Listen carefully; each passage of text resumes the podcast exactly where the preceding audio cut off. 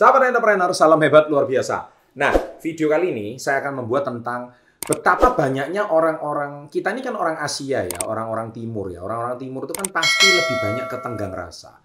Sehingga orang timur itu sering kali sulit berkata tidak atau berkata tegas. Nah, di dalam video-video saya sebelumnya, saya kan sering bilang, dare to say no, berani untuk berkata tidak. Nah, bagaimana sih menjadi orang yang tegas tanpa melukai perasaan orang setelah yang satu ini.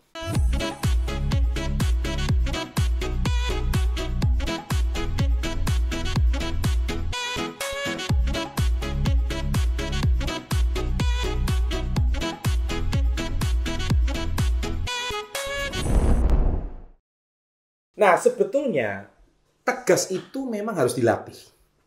Saya itu pernah ya suatu hari, ini ini pengalaman pribadi. Saya waktu itu di New Zealand sama istri saya, saya itu ada antri uh, tiket pesawat. Nah, dasar orang Indonesia itu kan kalau ada orang antri melayani satu orang, kadang orang ada orang itu langsung nyerobot terus nanya orang berikutnya. Nah, si si uh, pelayan itu kan sering kali sungkan untuk berkata tidak. Nah, pelayan itu kalau orang Indonesia misalkan nggak usah jauh-jauh di Alfamart atau di hotel ada satu orang dia juga berusaha melayani dua orang. Nah, padahal seharusnya si pelayan itu wajib dan berhak untuk menolak orang yang menyerobot di belakang. Dia bilang, Pak, silakan antri di belakang. Harusnya kan seperti itu. Nah, saya ini pernah punya pengalaman, dasar orang Indo ya. Saya ini pernah punya pengalaman, saya ini buru-buru. Karena waktu itu kan saya pesawatnya connecting ke kota lain, jadi saya harus segera tanya informasi karena pagi itu di bandara masih sepi, bagian informasi juga masih belum ada, jadi saya terpaksa nanya ke konter pesawat yang masih buka.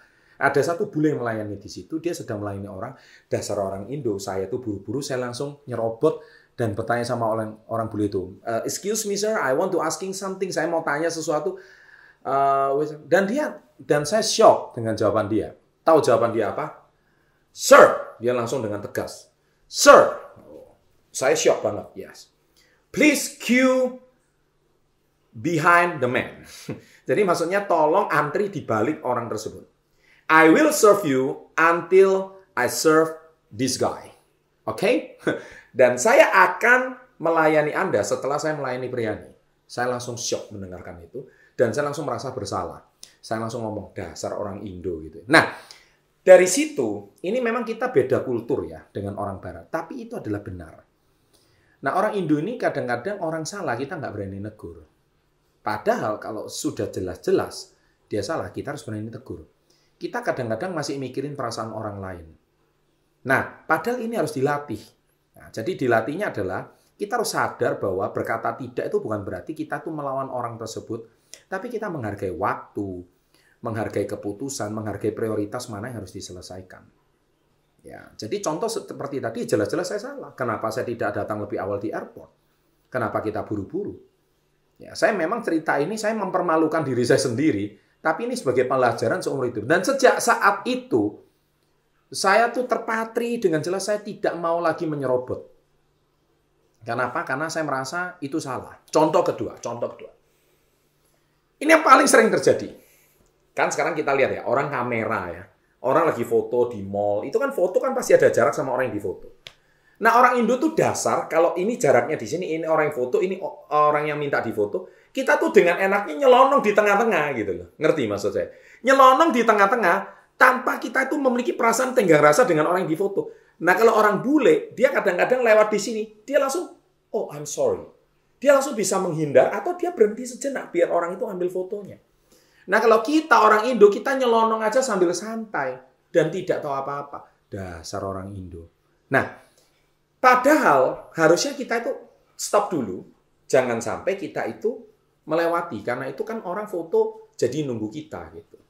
Paham ya? Nah ini adalah sebuah sifat tenggang rasa yang kadang-kadang kita harus tahu sadar diri. Stop dulu. Nah, dengan demikian, etika seperti ini tuh menjadi sangat luar biasa. Kalau etika seperti ini itu menjadi luar biasa dan kita berani berkata tidak, itu bagus banget. Nah, sekarang pun saya terbiasa kalau ada orang mau foto kita awas diri, eh saya stop dulu. Nah, orang Indo nggak apa-apa Pak, lewat aja. Orang Indo kan kayak gitu. Saya mau nggak apa-apa, selesaikan dulu. Ya, baru dia selesai baru kita lewat. Nah, itulah namanya kelihatan bahwa kapasitas kita itu menghormati orang lain. Nah, saya rasa berani tegas itu menjadi satu sikap yang harus kita miliki tanpa melukai perasaan orang lain. Justru orang lain segan.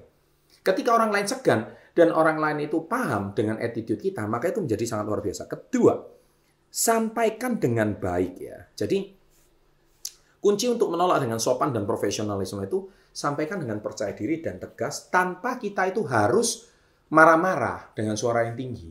Kita dengan sopan dan santun kita sampaikan perasaan kita itu dengan permisi Pak, uh, saya sedang melayani Bapak yang ada di depan. Saya pasti akan melayani Bapak setelah Bapak ini selesai. Oh, kalau dia Bapak, saya paling lihat itu paling banyak tuh di counternya pesawat. Uh, kalau ada orang maki-maki dan sebagainya, uh, tetap mereka tuh melayani dengan profesional. Saya rasa itu kadang-kadang nggak baik ya. Jadi kalau kita dengan sangat bagus, kita dengan sopan dan elegan menjawabnya, saya rasa orang itu akan menghormati kita. Poin ketiga adalah tawarkan alternatif. Jadi berikan penolakan yang membangun dan memperbaiki.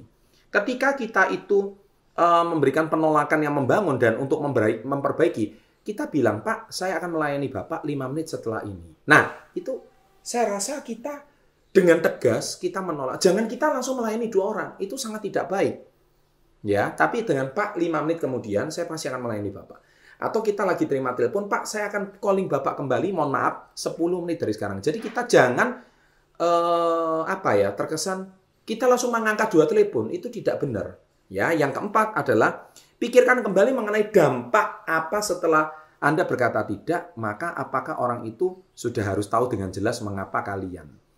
Ya, poinnya itu adalah kita harus tahu dampaknya kalau kita berkata tegas, maka orang itu berkata iya. Maka dengan kata lain, kalau kita hari ini uh, seperti itu, dampaknya itu apa? Apakah dia itu kita tuh terlalu memikirkan perasaannya, wah nanti kalau dia tersinggung gimana?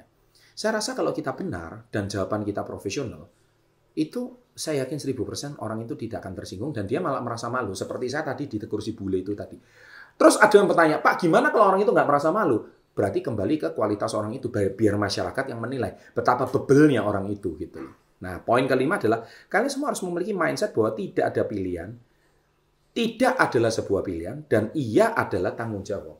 Jadi iya saya akan melayani Bapak. Nah, itu berarti dia ada hutang tanggung jawab.